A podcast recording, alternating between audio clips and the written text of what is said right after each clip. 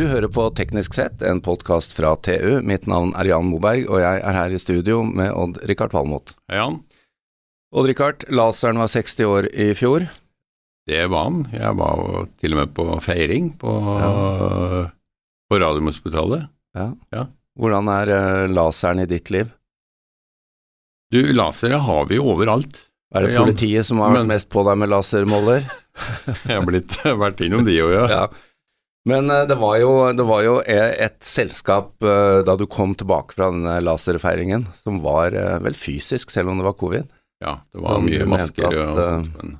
Du ville at vi skulle snakke om i denne podkasten? Ja.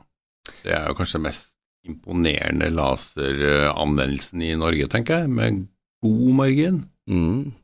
Også internasjonalt. Veldig spennende. De har også vært tidligere vært nominert til eh, Norwegian Tech Award for noen år siden. Eh, vi får bare ønske velkommen til daglig leder John Arne Breivik i Stingray Marine Solutions. Velkommen. Tusen hjertelig takk. Du hører takk at du, en, du, har fått en fan her? Ja, det syns vi er kult. Vi, vi, har begynt å få noen etter hvert, heldigvis. Det, det, som uh, dere driver med, er jo rett og slett å uh, skyte lakselus med laser i merdene hos oppdretterne. Ja, det er korrekt. Ja, det, er jo, det, er jo, litt science fiction, er det ikke det? Vel, jeg kan si at uh, fra starten av, når uh, Espen uh, Beck fikk den ideen i 2009, og vi begynte å gå ut til en og annen oppdretter etter hvert når vi hadde patentene på plass rundt om i verden, så begynte vi å banke dører hos oppdrettsnæringa på høsten 2010. Og eh, det er vel ikke til å stikke under en stol at det var mye latter og håper å si, litt tårer, fordi man tenkte at dette her er ikke mulig. Og ord som eh, Star Wars og science fiction var nevnt. Og vi begynte allerede tidlig å systematisk jobbe inn at dette var hardcore science, og ikke bare science fiction. Mm. Men bare, Vi skal ikke uh, gå helt dit ennå, men det er verdt å nevne da at i dag har dere altså 500 av disse nodene rundt om i Norge? Ja, vi leverer ut eh, node nummer 550 på fredag. Ja, Så det har eh, fungert? Det er åpenbart slik at når man kommer med en så disruptiv teknologi, og så avansert teknologi som Stingray har, så tar dette tid. Eh, gode ting tar tid, og det har det gjort i vårt tilfelle også, fra 2014 når vi ble kommersielle, og fram til i dag, syv år seinere. Men en sånn node, altså det er en, eh, en enhet som står neddykka i vann, og som ser på laksene som svømmer forbi, som skyter, rett inn en laser mot lusa. Kort forklart. Ja, kort forklart så er det det. Og det er rett og slett det er som en ROV som har en bøye i overflaten. Så har den en kabel ned til en lasernode som kan gå fra overflaten og ned til 27 meter. Den kan snurre rundt sin egen akse, og den kan bevege seg frem og tilbake i merden med fjernstyring fra vårt kontrollrom. Eh, og hver node har syv kamera, og det er der hvor maskinsyn og maskinlæring kommer inn. Noe som vi har jobbet med helt siden 2012-2013. Det er veldig spennende, syns jeg. Eh, jeg vet eh, dere har snakket litt om det, før. det er en, det er en slags bilanalogi her. fordi at dette, denne noden er jo temmelig avansert, både mekanisk, elektronisk og ikke minst programvaremessig. Så dere gjør jo litt av det samme som det man har utviklet innenfor bilindustrien, da. Å sette disse komponentene sammen. Jeg har vel opplevd gjennom de ti-tolv åra vi har holdt på, at eh, det er mange som blir overraska over at eh, et norsk selskap holder på med hele verdikjeden her. Både eh, sammenstilling av teknologien, utvikling av teknologien og alt av software. Og det er klart at den kamerateknologien som vi har utvikla, den, den, er faktisk i verdensklasse. Vi skal finne et objekt som er et par millimeter stor, på en laks eller ørret, som svømmer med én til to meter i sekundet, fritt rundt i en oppdrettsmerd med opptil 200 000 fisk. Og eh, folk har jo sett på denne lasernoden, og så har de sagt ja ja, men den har jo ikke utvikla seg så mye fra 2014 til 2017 f.eks. Jeg bruker å si at det er som å sammenligne en Golf fra 1983 med en e-Golf fra 2021. Mm. Utsiden, eksteriøret, kan se ganske likt ut, men det som er inni, er et hav av forskjell. Og eh, på hardware-siden så har jo vi nå 25 store revisjoner i løpet av året, åra som har gått, eh, mens på software-siden så har jo vi oppdatert over 300 ganger i løpet av disse åra. Så det har jo vært en enorm utvikling. Vi snakker ikke om 5 bedring eller 50 bedring. Vi snakker om mange hundre eller kanskje noen tusen prosent bedring gjennom åra. Du, bare litt, er litt nysgjerrig på, på, selve noden der nede. Altså, du syv kamera, er det optiske kamera, eller ser du i flere spekter? Nei, dette er da eh, vanlige kamera. Vi, vi har et stereokameraoppsett som er i svart-hvitt. Ja. Uh, og så har vi et dokumentasjonskamera som er høyhastighet, som er i farger. Og så har vi et såkalt farcam. Så det er fire kamera som sitter på selve laserenheten, og så er det tre eh, kameraer som sitter i bøyeenheten. Og alt dette gir oss en monitoreringskapabilitet, og ikke minst en mulighet til å bruke stereosynet til å fange opp eh, bevegelser og figurer i rommet. Så vi bruker altså stereokamera på å detektere og trekke alt som foregår på utsiden av eh, lasernoden. Mm. Hvor langt unna skyter, skyter du lusa? Opptil 1,5 til 2 meter. Og det har jo folk eh, kanskje trodd har vært en begrensning. Eh, men det er sånn at innen 1,5 til 2 meter så kan det være 2-3-4 lag med fisk. Så du hadde ikke hatt nytte av å øke den til 5 eller 10 meter uansett. Nei. Dessuten så er det en avveining mellom hvor mye energi du skal få inn i lusa i form av fokuserte lysfotoner, eh, og det er samtidig hvor langt laseren kan gå i vannmassene.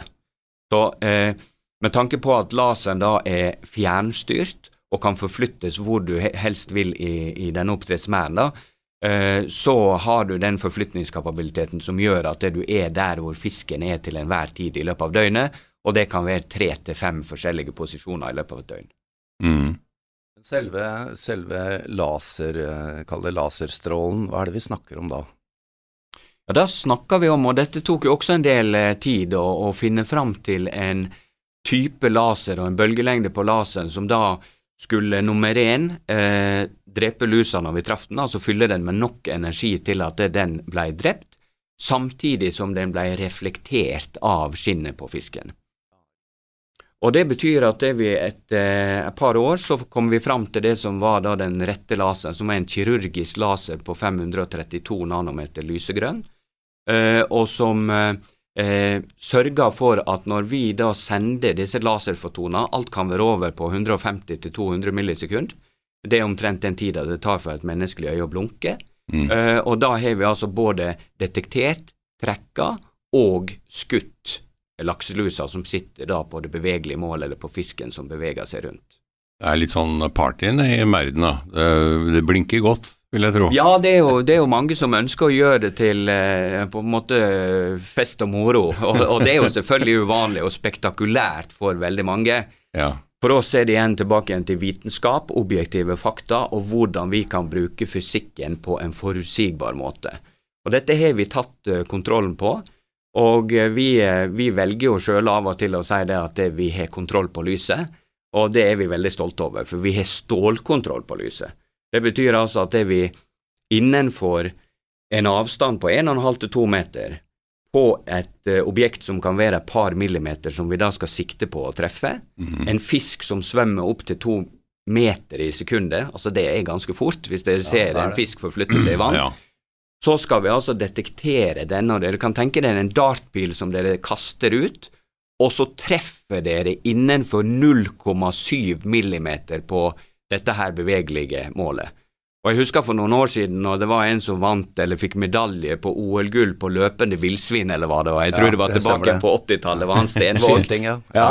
Eh, la meg si det sånn, eh, det er en prestasjon, men det vi gjør er en enda større prestasjon. Uh, unnskyld for det, altså, men det er det. Men eh, blir jo nysgjerrig, og Richard jeg har hatt et par dykkerturer sammen. Hvis vi tok på dy dykkerutstyret ned i merden, ville denne Vi ville vært to store lus og Richard, men ville denne laseren vært skadelig for oss mennesker?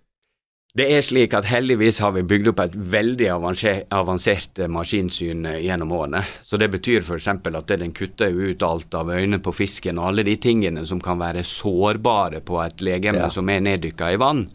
Eh, men det er klart at hvis man er eh, jeg håper å si passe nysgjerrig og passe gjøk samtidig, og man svømmer bort til lasernoden og ser innpå der med en pupill som kan ligne på en lus, da kan man få seg en karamell.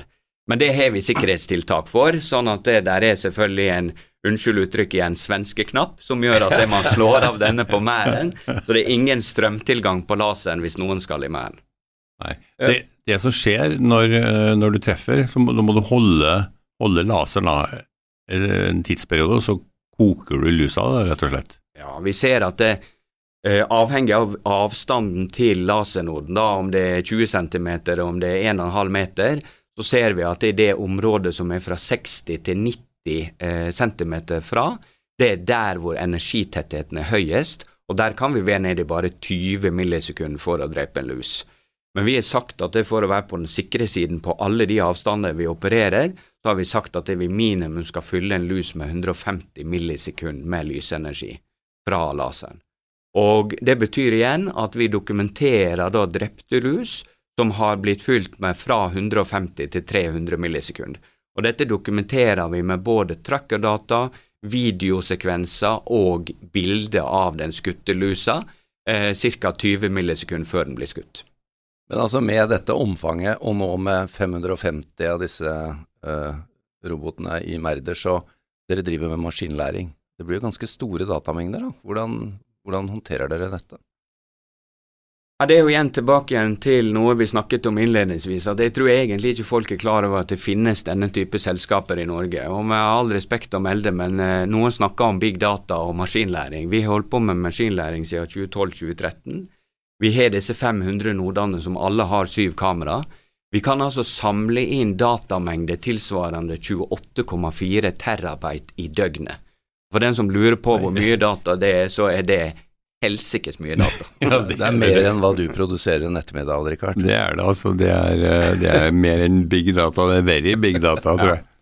Og, og, For å ta unna dette også, så er det jo ekstremt viktig at man har bygd en infrastruktur som vi har gjort nå de siste syv-åtte årene, som er kanskje en av de viktigste tingene som man ikke forstår. Eh, fordi der er jo flere initiativ på maskinsynsiden, og noen som ønsker å telle lus eller måle biomasse. Men den infrastrukturen som gjør da at vi har et virtuelt nettverk av 500 noder nå som rapporterer i skyen, så består det altså av komputering fra edge computing, som er mm. ute på noden, til private and public cloud i skyen, som man bruker å si, eller eh, han sjef for operations hos oss i Stingray, han bruker å si det at det, eh, Cloud er ikke skyen, det er bare noen annens datamaskin, og det er jo helt rett. Eh, og så har vi i tillegg det er selvfølgelig egne datasentraler. Så, så, dette her begynner å bli en veldig avansert infrastruktur, og vi har altså vi overvåker og monitorerer og beskytter over 35 millioner fisk i døgnet. Og det er en håndfull, for å si det mildt. Ja. Og datamengdene som vi da henter tilbake, har allerede passert nå 3,5 milliarder laserpulser i kommersiell tid i sy på syv år, uh, hvor det aldri har vært rapportert tilbake eller dokumentert verken skade på fisken eller behandlingsdødelighet. Dette er noe av det vi er stoltest av, fordi det skiller seg veldig ut fra alt mulig annet. Ja, fordi det må vi jo nevne her. Uh, sånn uh, vi forstår dette, så er jo dette en å sørge for lusekontroll uten å ta fisken ut av merden. Mens det mange gjør for å oppnå det samme, er jo å ta fisken ut og spyle det på et eller annet vis. Hvordan, hva er fordelene versus, versus de mekaniske og manuelle måtene? Fordelen begynner å bli mange og veldig synlige. Den første og åpenbare fordelen er altså at du slipper å håndtere fisken, som er et enormt velferdsproblem i Norge i dag. Man har altså en rekke såkalte mekaniske eller reaktive behandlinger hvor man må trenge, pumpe og behandle fisken om bord i en båt. Og heldigvis så blir man flinkere der også de siste fem-seks årene, men man har dessverre en dødelighet i produksjonsfasen på norsk oppdrett i, i, i eh, år som er på mellom 50 og 60 millioner individ i året.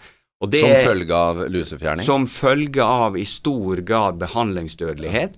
Man kan i alle fall si at den rundt 20 eh, tapet som man har i produksjonen, så kan man i alle fall si at rundt halvparten av dette kunne vært fjerna dersom man hadde brukt laser i stedet for reaktive metoder. Og Dette er også en sånn der nettverkseffekt eller naboeffekt, at hvis flere bruker dette sammen, så holder man lave lusetallene til enhver tid. Og det er det samme som du sørger for å klippe plenen hele tida, eller Ja. sørger for at du støvsuger hele tida, så slipper du å få sjokk når svigermor kommer på besøk. Eller at det du slipper at naboen eh, slenger ugresset tilbake igjen til deg etter 14 dager. Så rentesrenteeffekten er enorm gjennom et år på å ikke ha håndtering av fisken i en produksjonsfase. Ja, det blir litt som brunsnegle. Hvis jeg ikke har det, så kommer det ingen til naboen fra meg, i hvert fall. Men du, et spørsmål fra en som ikke er helt up to date. Det ble jo utvikla og brukt en god del eh, gift for mange år siden. Er det helt borte nå, eller? Næringen har vært utrolig flink å tilpasse seg reduksjon av medikamenter, Ja. og nå bruker man mye det som man kaller ikke-medikamentelle metoder, så der har jo vært en fantastisk utvikling. Det som har vært utfordringa på den sida der, er jo at det er de to hovedmetodene som man har brukt de siste fem-seks årene, har enten da vært biologisk rensefisk, som man forbruker i et antall på en 50-60 millioner i året, eh, og den spiser da lus av fisken, iallfall tilsynelatende så skal den gjøre det. Og så har du da den mekaniske behandlingsbiten, som er oppe i 3000-4000 behandlinger i året i Norge. Og dette her i sum fører jo da til at det man har altfor store tap i næringa, som etter vår mening er helt unødvendig, og som vi har bevisst nå over flere år kan unngås med å ha laser i merdene, og med å sørge for at det du har nabokontroll og regionkontroll. Ja, hva sier du, Odd-Rikard? Dette er, eh, Ja, men er science fiction. Ja, det er, det er nesten det. Men jeg syns også det er veldig artig at det her skjer, punkt én, skjer i Norge. Det er kanskje naturlig fordi at vi er så, har så mye laks her, men det her produseres jo i Norge også, fysisk. Vi har nå to store bygg i Groruddalen på Kalbakken. Ja. Vi foretar alt. Vi har ulike vertikaler som er hardware, software, operations og Aqua. Vi har jo en egen fiskehelsetjeneste med veterinærer og fiskehelsebiologer på 23 ansatte. Og i sum nå så har altså Stingray blitt 84 ansatte, og vi har akkumulert omsatt for over 500 millioner i løpet av disse åra. Nå føler vi at det, teknologien er moden, og vi, vi må jo smile litt når vi har gleden av å lese Teknisk Ukeblad og ser at Audi kan få 20 km ekstra ved å kjøre en oppdatering på softwaren sin, eh, men så må de inn på verksted. Vi har altså kjørt såkalte over the air-oppdateringer siden 2012-2013, så unnskyld meg, det er Ja. mulig, man må bare ikke være stuck i gammel teknologi over fastlåst dinosaur. Det er faktisk enkelte områder hvor man raskt blir dinosaur nå, hvis ikke man kan håndtere de tingene. Ja. Vi må avslutte, eh, men et siste spørsmål, John Arne. Eh, kan dere beefe opp litt og så sette dette i elvemunningen og bli kvitt eh, pukkellaksen? Det er et spørsmål vi har fått før, og jeg kan si igjen, vi er nødt til å være tro mot vår hovedidé, og det er å ta vare på fiskehelsen og fiskevelferden i de oppdrettsmerdene. Det er tross alt 4000 av de langs kysten av Norge, og da blir det litt feil for oss hvis vi på samme tid bare skal snu oss rundt og, og skade eller avlive noe fisk. Eh, Men vi forstår problemet, og vi har fått eh, spørsmålet, men vi må først og fremst prøve å hjelpe norsk oppdrettsnæring til å kunne vokse bærekraftig videre I Norge. I Norge. Ja. Takk til deg, John Arne Breivik, daglig leder i Stingray Marine Solutions. Takk til Odd-Rikard Valmot, og mitt navn er Jan Moberg.